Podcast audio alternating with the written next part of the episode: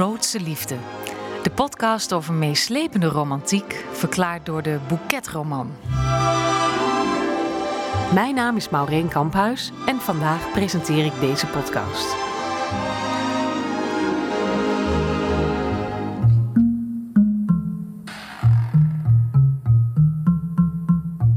Dit keer lezen we met passie als wapen van Sarah McCarrigan. Ja, waar gaat het over? Het gaat over de mooie Helena van Rivenlock, een Schotse beeldschone krijgsvrouw die met haar twee zussen Deirdre en Miriel op het kasteel Rivenlock woont. Hun vader is al een tijdje seniel en dus leiden de drie zussen het kasteel. Helaas heeft de koning van Schotland besloten om het kasteel te beschermen door een Normandische ridder, Pagan Cameliaar, met haar jongste zuster Miriel te laten trouwen. Dit wekt de woede op van Helena en haar zus Derdere en ze besluiten dat Pagan moet worden gedood. Op een avond voeren ze hem en al zijn mannen dronken en zichzelf en dan sluipt Helena s'avonds met een mes naar de kamer van Pagan om hem te doden. Helaas struikelt ze over de slapende knecht, de knappe Colin Dulac. Colin blijkt een supermooie, grote, stevige ridder te zijn, die onmiddellijk wakker wordt, Helena overmeestert en haar opsluit in de kelder. Helena weet echter te ontsnappen en besluit daarop Colin te ontvoeren, wat heel goed lukt door hem een zak over zijn hoofd te trekken en dan vast te binden met een reep stof van haar jurk. Vervolgens sleept ze hem mee naar een verborgen boshut 10 kilometer verderop. Daar onthult Helena haar plan aan hem om hem in te ruilen als losgeld voor de annulering van het huwelijk van Pagan met Miriel. Hoewel het wel een mooi plan is, is het niet heel doordacht, want ze worden verschillende keren overvallen door rondtrekkende bandieten en moeten dan toch samen ter strijde trekken. Al snel blijkt dat ze elkaar heel erg aantrekkelijk vinden en op een ochtend in de boshut wordt dit meer dan duidelijk. Een scène gelezen door Jet. Ze vond zijn lippen al snel soepel aanvoelen, maar dat was nog niets vergeleken bij de zachte, vochtige verkenningstocht van zijn tong. Hij deed het heel teder, maar ze voelde onmiddellijk dat ze naar meer verlangde. Ze beantwoordde zijn kus en liet zich meevoeren in de lome dans die hij met zijn tong opvoerde. Hij kreunde en nam nu volledig bezit van haar mond. Dat geluid ontlokte haar lichaam een reactie en ze voelde een rilling langs haar ruggengraat trekken.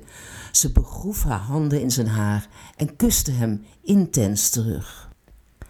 Toen Helena van het bed afklom, beet Colin op de binnenkant van zijn wang om zijn lustgevoelens in te tomen. Goeie genade, dacht hij, wat mankeerde hem? Was het zo lang geleden dat hij een vrouw in zijn bed had gehad? Ze hadden elkaar alleen maar gekust. En Colin had in zijn leven al tientallen vrouwen gekust. Ladies, keukenmeiden, molenaarsdochters, lichtekooien. Maar geen van hen had ooit zo'n diepe indruk op hem gemaakt als Helena van Rivenloch.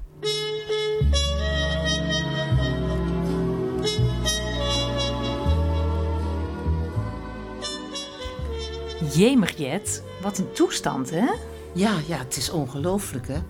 Ja, Ze, is, ze is namelijk zo bang dat, uh, dat zal blijken dat ze zich laat verleiden. Want voor Helena is alles een strijd, hè? Ze is een krijgsvrouw. Klopt, ze is, uh, ze is een strijdster op het strijdtoneel. Hè? Ze doet zwaardvechten.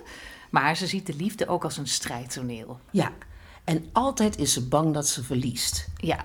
En daarom denkt ze, ja, ik kan, als ik nu nog even doorga dan, uh, ja, dan laat ik me gewoon pakken door die man. Ja, en dat wil ze natuurlijk niet, want ze heeft hem ook ontvoerd. Hè? Hij is eigenlijk haar losgeld om de meester van Colin te overtuigen dat hij, uh, nou ja, dat hij Colin pas terugkrijgt als hij dat huwelijk uh, opzegt met haar zus. Um, ook een soort strijd al. Ja, ja ze vecht tegen alles. Ja, ze is een knokkertje. Ja, en daarom staat ze op en zegt ze: Ik ga vissen. Ja, dat is wel een wonderlijke zin eigenlijk. Laten we daar eventjes uh, naar luisteren, naar dat stukje. Ik ga vissen, kondigde ze opeens aan. In je eentje? Hij richtte zich op een elleboog op. Is dat wel verstandig? Ik wil alleen zijn. Achter haar antwoord school een diepere betekenis, maar daar had hij even geen aandacht voor. Dat vind ik geen goed idee. Ik heb je toch gezegd, zei ze, terwijl ze haar dolk achter haar riem stak, dat ik nergens bang voor ben? Dat is dan heel dom van je.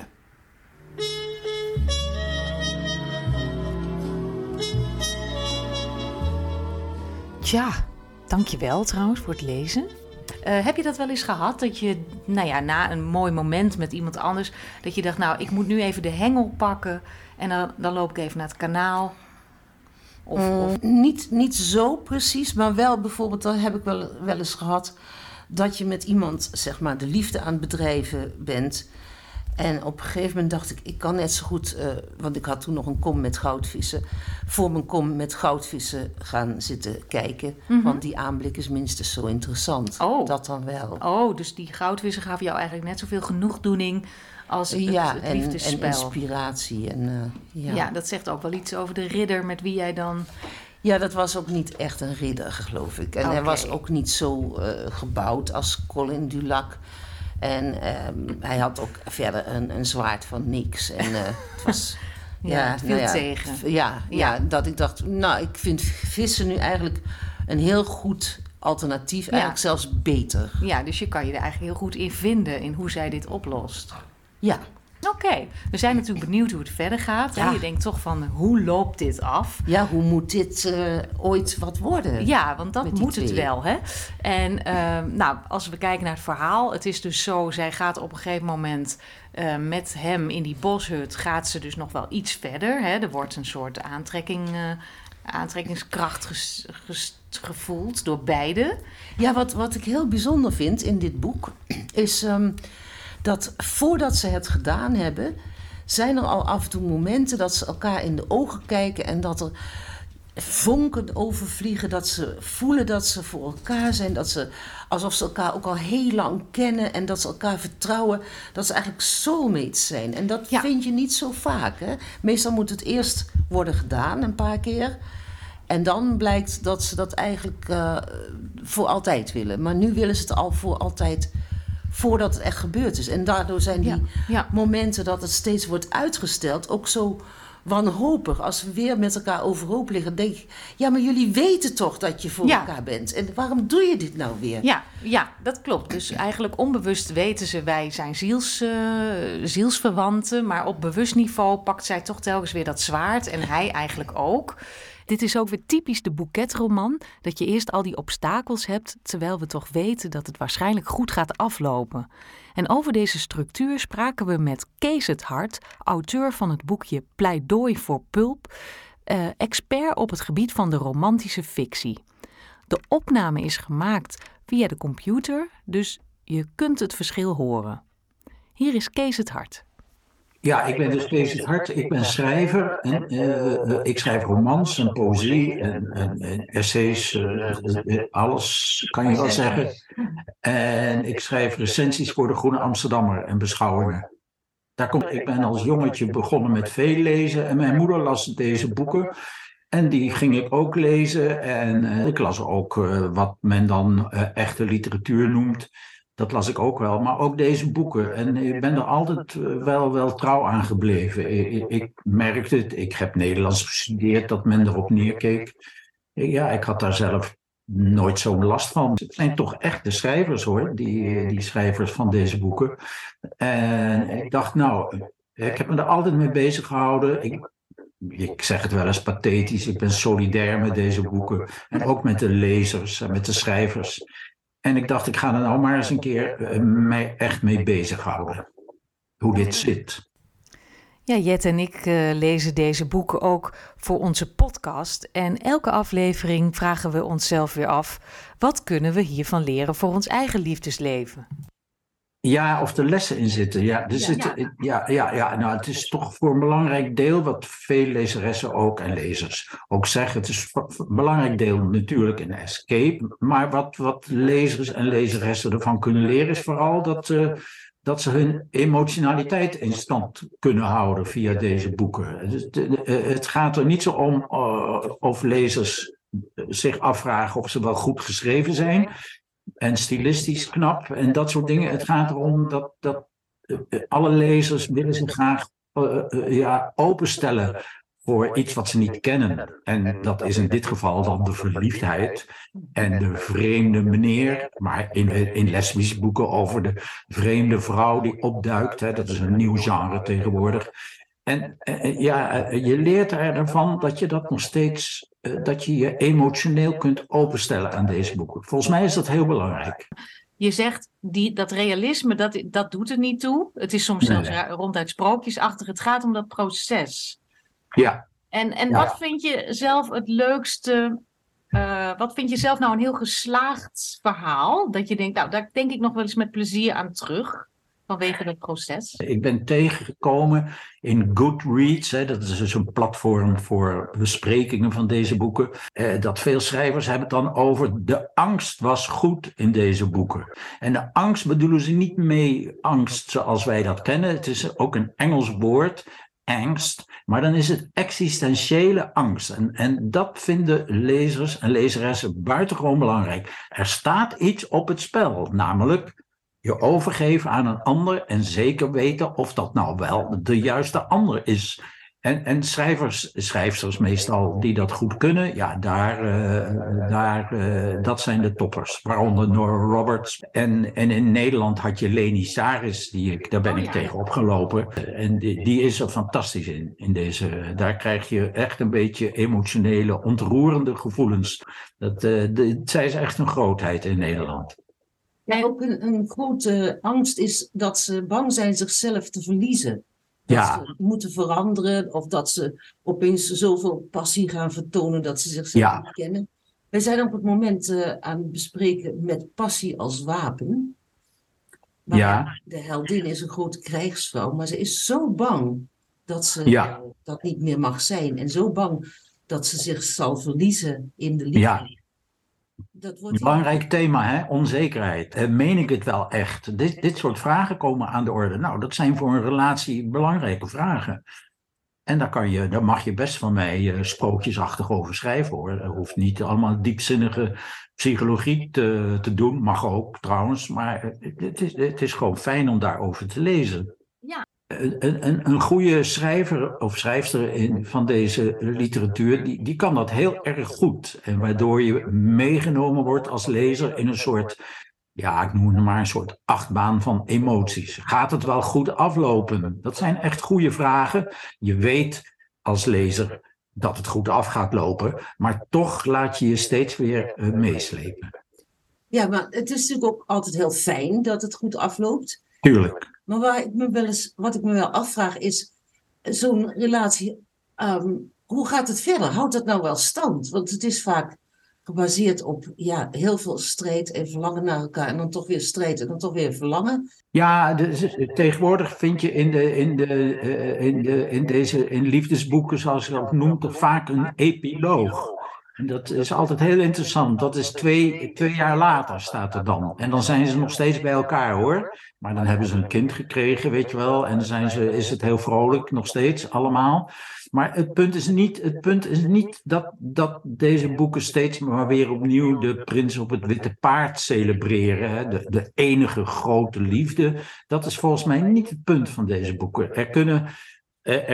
De heldinnen die eisen van een relatie in iedere boek opnieuw een, een, een grote, goede relatie. Dat eisen ze steeds opnieuw. Maar dat hoeft niet een relatie voor eeuwig te zijn. Een relatie kan ook, ook, ook andere, uh, kan ook minderen en aflopen. Dus, dus het is niet een pleidooi voor de prins op het witte paard en het enige heteroseksuele huwelijk, weet je wel. Maar het is wel een pleidooi voor goede relaties. Ja, tot zover het interview met Kees het Hart. Straks kun je de rest van het interview horen. En we keren terug naar de boshut, waar Colin en Helena inmiddels zijn overvallen door een groep Engelse rovers onder leiding van ene Otis. Jet, jij legt ons uit hoe het verder gaat.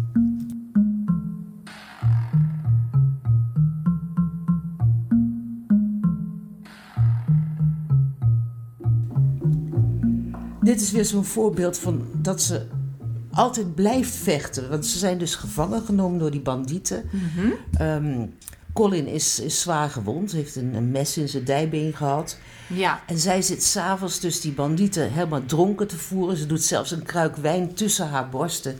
En schenkt zo de hoofdman bij. Past dat? Ja, ik denk dat ze een beetje een wijd corset had of zo, waar Ja, dat dan ja. tussen paste. Ja.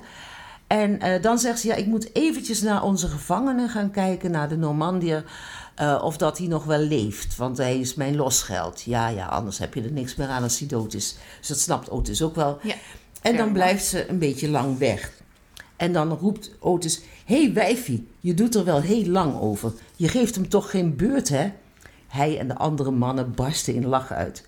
Wat dacht je, roept ze dan, dat ik een Normandische bleke worst in een Schotse pudding laat roeren? Dus ik bedoel, ja, ze, ze, ze deinst nergens voor terug, Zo, hè? hé. Scherp. Ja, ja. En dan ehm, zegt ze: Otis, jongen, zegt ze kirrend, hè, waar heb je dat lange zwaard in je broek verstopt? En dan staat Ko- Otis staat op en: Oh, maar schatje, ik bedoelde niet dit zwaard, maar dit hier. En in een flits rijdt ze langs hem heen en grist zijn dolk uit zijn scheden. Ja, Otis staat met die broek op half oh. elf. Oh jee. En dan rennen, schreeuwt Helena tegen Colin. Schiet op! Ze zuchtte van ergernis. Waarom duurt het zo lang? Een van de rovers was net het bos ingegaan om te plassen. Dit was het ideale moment voor haar om de anderen te overweldigen, zodat Colin er vandoor kon gaan. Ze geeft een van de mannen een flinke duw, die komt in het vuur terecht. Eh, de, de, de, de rover Dop, die drijft ze een dolk in zijn dijbeen. En ehm, eh, dan opeens eh, komt Colin eraan en die geeft een andere een vuistslag in zijn gezicht. Terwijl die gewond is. Ja, maar- ja maar ehm, Ja. hij, zij roept dan ook van ga nou, ga nou gek, weet je. Ja, van- vlucht. Maar hij luisterde niet. Hij pakt de vierde Engelsman bij de keel. Ja. En ehm, een van de boeven is ondertussen overeind gekrabbeld. En die komt met een, een dolk op Helena af. En die zegt, zo, jij houdt wel van een beetje ruw. En met samengeknepen ogen kijkt ze naar aan. En dan zegt ze, nou enough. Ja. En ze zet een stap naar achter. En dan komt degene die aan het plassen was geweest. Die komt terug uit het bos. Wow. En, en die wil haar pakken, maar dan net op tijd is Colin erbij. En die pakt dan die boef. En dan, nou ja, het is een, een enorm gedoe. Maar met z'n tweeën lukt het ze. Ja, En dan komen ze eruit en dan zegt zij van... waarom ben je nou niet weggerend? Gevaarlijke idioot, want je was gewond en dit en dat. Ja. Hij zegt, ja, maar ik ben een ridder. Ik moet jou toch ook helpen? Oh ja, want jij bent een vrouw. ja. Een en- ridder en een vrouw. Maar zij Ja. is een krijgsvrouw. ja, en dat heeft hij niet ik. genoeg in de gaten. Nee, nee. En dus, ja, dan gaan ze terug naar de hut. Hij strompelend, op haar leunend. Hij voelt heel die zachte borsten van haar. En dat is eigenlijk het moment dat Ja. eh, zij toch ook wel waardering krijgt voor hem. Want hij heeft haar, ondanks dat hij gewond was, geholpen. Ja. En zij krijg, hij krijgt waardering voor haar omdat ze zo ontzettend loeihard is. En mannen gewoon in het vuur gooit en steekt. En Ja, en Van dapper om hem. bestrijdt. om hem te ja, om hem, dat is waar. Want zij zegt wel, dat doe ik voor het losgeld. Maar ondertussen is het natuurlijk ook wel gewoon voor hem. Ja, maar wat ik ook heel bijzonder vind, is eh, in dit boek, dat kom je niet vaak tegen, dat ze voordat ze het gedaan hebben, al eh, momenten hebben dat ze elkaar in de ogen kijken of eh, elkaar per ongeluk aanraken, helemaal per ongeluk. En dat ze opeens weten en voelen van. Ehm, ik ken die ander eigenlijk al heel lang. Ik, het, is, het is iemand die ik kan vertrouwen. Iemand van wie ik hou met heel mijn hart. Wij zijn soulmates. En dat weten ze al voordat het gedaan is. Ja. Meestal, in de meeste boeken moet het eerst een keer of wat gedaan worden. En dan realiseren de mensen zich van wij zijn voor elkaar geschapen. Dat is waar. Maar deze hebben het van begin af aan. En daarom, dat maakt deze roman zo eh, spannend, bijzonder spannend. Omdat steeds, terwijl ze het weten, gaan ze toch weer met elkaar de strijd aan. En geloven ze toch weer wat andere mensen zeggen. Of geloven ze hun eigen ogen terwijl ze verkeerd kijken. Ehm, Ja. ja, dat je echt denkt, nou, hoe, hoe kan dit nog in goede banen geleid worden? Ja, zeker. Want ze zijn vijanden en ze gedragen zich als vijanden. Maar als ze elkaar in de ogen kijken, zijn ze één. Ja, dus Ja. ja.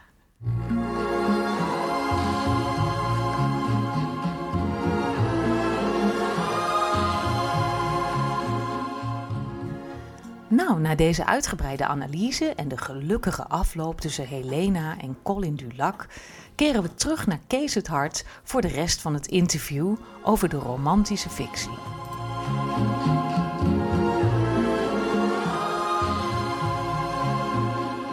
Ik hoorde je Ja. net zeggen ehm, dat er ook ehm, lesbische en homoseksuele eh, romans zijn, maar die, ik heb ze nog niet gezien in de winkel. Zijn er Nee. nog meer genres waar wij niet van? Ja, maar in, in Nederland zijn ze ook nog, nog niet. Ik heb er naar gevraagd waarom niet. Daar, want dan, eh, daar vinden ze een te kleine markt voor. Maar in Amerika is het groot. Ja, ze hebben wel die eh, eh, de- detectives, die historische. eh, Ja, ja, ja. Al die genres. Ja, en ja, geweldig. only, waarin de seks eh, behoorlijk ver gaat. Ja, ja. Maar eh, op het ogenblik gaan in alle liefdesboeken eh, is de seks eh, behoorlijk eh, uitvoerig. En dat wordt ook gewaardeerd door de, door de lezers. Dat willen ze ook wel, want dat is een onderdeel van het leven. Dus dan willen ze niet dat dat, zoals dat vroeger ging, dat het eindigde met de beslissende eindkus. Dat is nog steeds overigens de beslissende eindkus. Seks is, beslist niet de relatie, eh, eigenaardig genoeg. En, en de, eh, het eindigt nog altijd met die beslissende kus, de hoofdse kus, om het zo maar eens te noemen. Maar seks is daar een, een, een fase. De, de seksualiteit hoort tot het onderzoek van ben ik wel echt verliefd, hou ik wel echt, eh, bedrieg ik mezelf niet, enzovoort, enzovoort. Eh, die schrijvers die, die willen ten koste van alles niet pornografisch zijn. Dus er worden geen expliciete, nergens ben ik dat tegengekomen. Geen expliciete begrippen. Daar- dat willen ze ook absoluut niet. Ook de lezeressen ervan en de lezers die, die hebben daar een hekel aan. Maar iedereen weet waar ze het over hebben. Ja, en dat wordt, maar niet om daar pornografische eh, toestanden en ook de acrobatiek van, de- van de seks die er allemaal bij, bij komt in het echt, zeg maar. Ook daar zijn ze voorzichtig in. Dat wordt niet allemaal precies weergegeven. Maar lezers weten heus wel waar het over gaat. Het is ook geen pleidooi om vreemd te gaan hoor, deze boeken helemaal niet. Het is een pleidooi om, om een goede relatie te hebben. Daar is het een pleidooi voor. Echt te zijn. Je vindt het ook van groot belang dat dit genre blijft bestaan en dat het wordt erkend. Waar, waarom vind je dat zo belangrijk? Nou, ik denk dat het een basis van de, de cultuur, van, de, van onze leescultuur is. En, en eh, die leescultuur, eh, deze boeken worden door de meeste mensen gelezen. En, en eh, stel je voor dat, dat, dat we daar negatief over blijven schrijven en dat mensen daar echt mee op zouden houden om dat te lezen. Dan verdwijnt de leescultuur spoorslags. Dan is het snel gebeurd hoor. Mijn boek pleit er ook niet voor om eh, te zeggen van nou dan begin je maar met boeketreeksboeken en dan moet je daarna moet je eh, eh, boeken van Helle Hazen gaan lezen. Dus dat ik lezeressen wil opvoeden. Daar is bij mij echt geen sprake van. Vind ik ook tamelijk erg. Eh, eh, ik, die boeken zijn op zich al interessant genoeg. En dat je daarna, veel lezers lezen daarnaast trouwens ook beroemde eh, hoogliteraire schrijvers. Dat is, dat, dat is echt gebruikelijk. Maar het is, is voor mij niet een soort overgang van. We beginnen met Pulp en we eindigen met James Joyce. Nee, nee, nee, nee. nee is geen allemaal naast elkaar. Het is, het is een eigen genre, een eigen gebied, een eigen cultuur en een belangrijke cultuur. Dat, daar schrijf ik over. Wij willen heel graag dat meer mensen dit gaan lezen. Ja, dat is belangrijk hoor. Heel goed. Fijne Succes dag ermee hoor. Dankjewel. Ja, dag.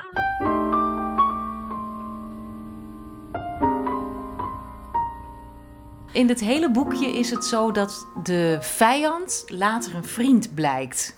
Want, Ja. want als we even verder gaan hè, met het boekje, de, de meester van Colin, hè, Pagan, die wil natuurlijk trouwen met die zus van Helena. Eh, die, daar strijdt ze natuurlijk ook tegen. Maar die Pagan is ook gestuurd door de Schotse koning om hun te beschermen. Alleen Ja. dat weet zij niet. Nee, dat, maar dat is, ze weten heel veel niet, hè? Ze, ze zijn eigenlijk onwetend. Ze hadden Het- ook. Het ja. kan ook komen, want het speelt in 1136, dat mensen toen gewoon nog niet zoveel wisten. Ja, of dat ze gewoon geen e-mail hadden of app. Nee. Waardoor je het niet weet. Ja, ja, waardoor je maar moet denken... oh, er komt hier een, eh, een, een hoe heet dat, een, Ja. een Normandier... en die komt de boel overnemen... terwijl je nog niet eens weet dat hij is gestuurd... door de Schotse koning. Sterker nog, voordat je dat weet, trek je al je zwaard en zet je hem een zak op zijn hoofd en neem je hem mee naar een verstopte boshut. Ja, maar goed, in die verstopte boshut ontdek je dan dat je elkaar eigenlijk ja, gewoon voorbestemd bent voor elkaar.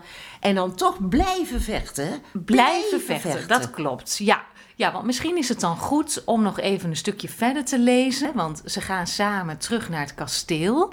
En daar ontdekt Helena dat haar zus Derdere inmiddels met Pagan gaat trouwen. Dus niet Miriel. Nee, die zijn al getrouwd, want Ja, eh, maar derde heeft dus de plek van Miriel ingenomen om haar te beschermen. ja, ook heel strijdbaar eigenlijk. Ja, hè? ja. En dan eh, besluit Helena, om het verhaaltje nog een beetje uit te leggen, om ook tegen Pagan te strijden. En ze wil ook nog eh, een toernooi winnen. Dus ze is eigenlijk een, een beroepsvechter. Ja. Ze is eigenlijk een beroepssoldaat, zou Ja, kunnen ze, ze zeggen. is ook woedend, want Deirdre is dan met die, met die baas getrouwd, met die Normandier. Ze ziet dus dat vanaf dat moment haar zus alles doet wat Pegan zegt. Ja, En, En- ze denkt, nou dat wil ik nooit meemaken, dat ik zo de slaaf word van iemand. Dus ik ga niet trouwen. Nou, zegt ze, ik ga wel trouwen, ik ga met Pegan trouwen. En dan zal ik hem de baas kunnen. Eerst moet de derde eraf en dan... ah, dus dan gaat ze daar weer mee verder. Maar dat is niet zo leuk voor Colin, hè? Want die, Nee, die denkt dan, ja, hoe kan Die ik nou met iemand gaan die met een ander wil gaan trouwen? Dat klopt, want hij weet natuurlijk weer niet dat het weer bedoeld is om weer iemand een goede, goede dienst te verlenen. Ja. Het hangt van goede diensten aan elkaar, hè? Ja, ja, maar dan niet zeggen dat het zo is. Nee, dan heel vijandig doen, Ja, maar het is bedoeld als goede dienst. Want Ja, zo en- kan ze die zus redden. ja, ja, want die, die doet heel braaf alles nu wat, wat Pegan zegt. Maar wat ze niet weet, is die zus is zwanger. Bovendien overlegt Pegan alles met haar. Aha, En heel modern. ja, heel modern eigenlijk. Het is maar- helemaal geen slecht huwelijk. Nee, ze zijn, ze zijn gek met elkaar. Hoe weet jij dat nou? Ja, omdat het in het boek staat. Tjimmer. Ja, dat valt me wel meer op. Deze schrijfster heeft wel, eh, eigenlijk in tegenstelling tot andere boeketromans, heel erg goed de gelijkwaardigheid in de relatie ehm, consistent gehouden. Hè? Ja, ja. In- in- zij vecht, hij vecht ook. Ja, eh, hij kookt en zij smult. ja. Hè? Eh, dus niet andersom.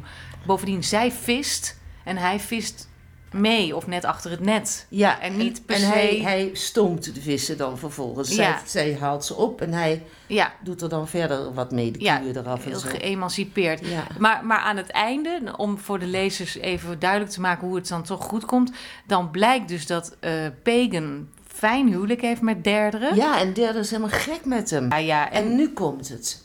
Er is namelijk op het kasteel ook een oude Oosterse dienstmaagd. ja, dienstmeid. Ja, Of is ze maagd? dat weet ik niet precies. Maar het is in ieder geval een oudere vrouw. En het is een hele wijze vrouw. Aha. En die heeft op een gegeven moment in de gaten dat er met Helena iets aan de hand is. Dus vlak voor het toernooi Ja, gaat ze naar Colin, Colin Dulac. ja. En ze zegt, ik moet je iets vertellen, die Helena is zwanger. Ook al. En dan denkt Colin dus, dat is vast van Pegan, want daar wilden ze zo nodig mee trouwen. Ja, en daar, die ziet ze ook telkens met Helena in het bos. Want Pegan en Helena oefenen hè, samen voor het toernooi. Ja, Ja, dus dat gaat fout daar. ja, maar dan zegt de, de oude eh, Oosterse vrouw, de wijze vrouw, zegt dan, nee, het kind is van jou. En het zal later een hele grote krijgster worden. Hoe weet ze dat dan? Ze is een soort zieneres? Ja, denk ik. Maar ook tegelijkertijd ook dienster. Wauw. Ja, Nou, ja, dan gaat Colin dus naar Helena toe en hij zegt... afgelopen dat gesodemieter met dat toernooi, want ik wil het niet hebben. het kind niet? Nee, ik wil niet, ik wil niet hebben dat je daar gaat zitten strijden Ah. met een kind in je buik. Mooi. En wat zegt zij? Ja, ze zegt, ja, zie je, dat is weer typisch een man, hè? Ja, En ik ga ook helemaal niet meer trouwen met jou. En, eh, Ook al is dat kind van, ja, maakt me niks uit en ik ga toch het toernooi doen. Dan raakt ze heel erg gewond, maar ze gaat toch door en dan wint Ja, ze. I'm a het, single eh, mom. I'm a single mom nou. Ja, ja, ja, dat was Mhm. toen hè, in 1137. Ja, Toen was dat heel modern. ja, heel modern. Ik, ik kan het bijna niet geloven, zo modern. Maar succesvol, hè? Want ik weet dat hij dus stom verbaasd in dat kasteel op een krukje gaat zitten. Ja, En dat zij inderdaad als grote overwinnaar uit de strijd komt. Ja, en ze- nog een kind draagt. met het pijl en bogen wint zij. Met de pijlenbogen wint zij. En ze won ook volgens mij met het hardlopen. Dat weet ik niet meer. Met de maar in ieder geval, atletiek? het- ze had in ieder geval een, groot, eh, Ja. een hele grote medaille gekregen. Die hing ook aan de muur. Ja, van Rivenlog. Ja. ja. Ja. en dan komen ze er dus achter. En dat is eigenlijk het allermooiste. Dat de Normandiërs zijn gestuurd. Ja. Uit eh, vriendschap bijna. Hè? Omdat Ja. hun vader zo seniel is.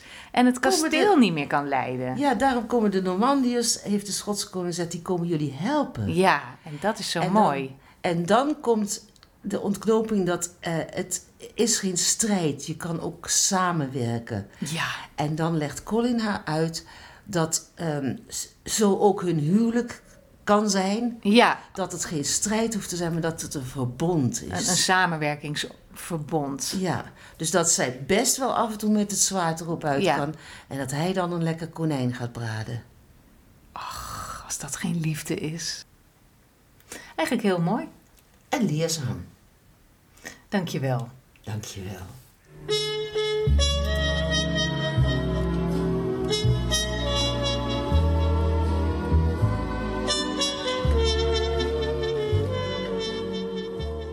Dit was Grootste Liefde met Met Passie als Wapen.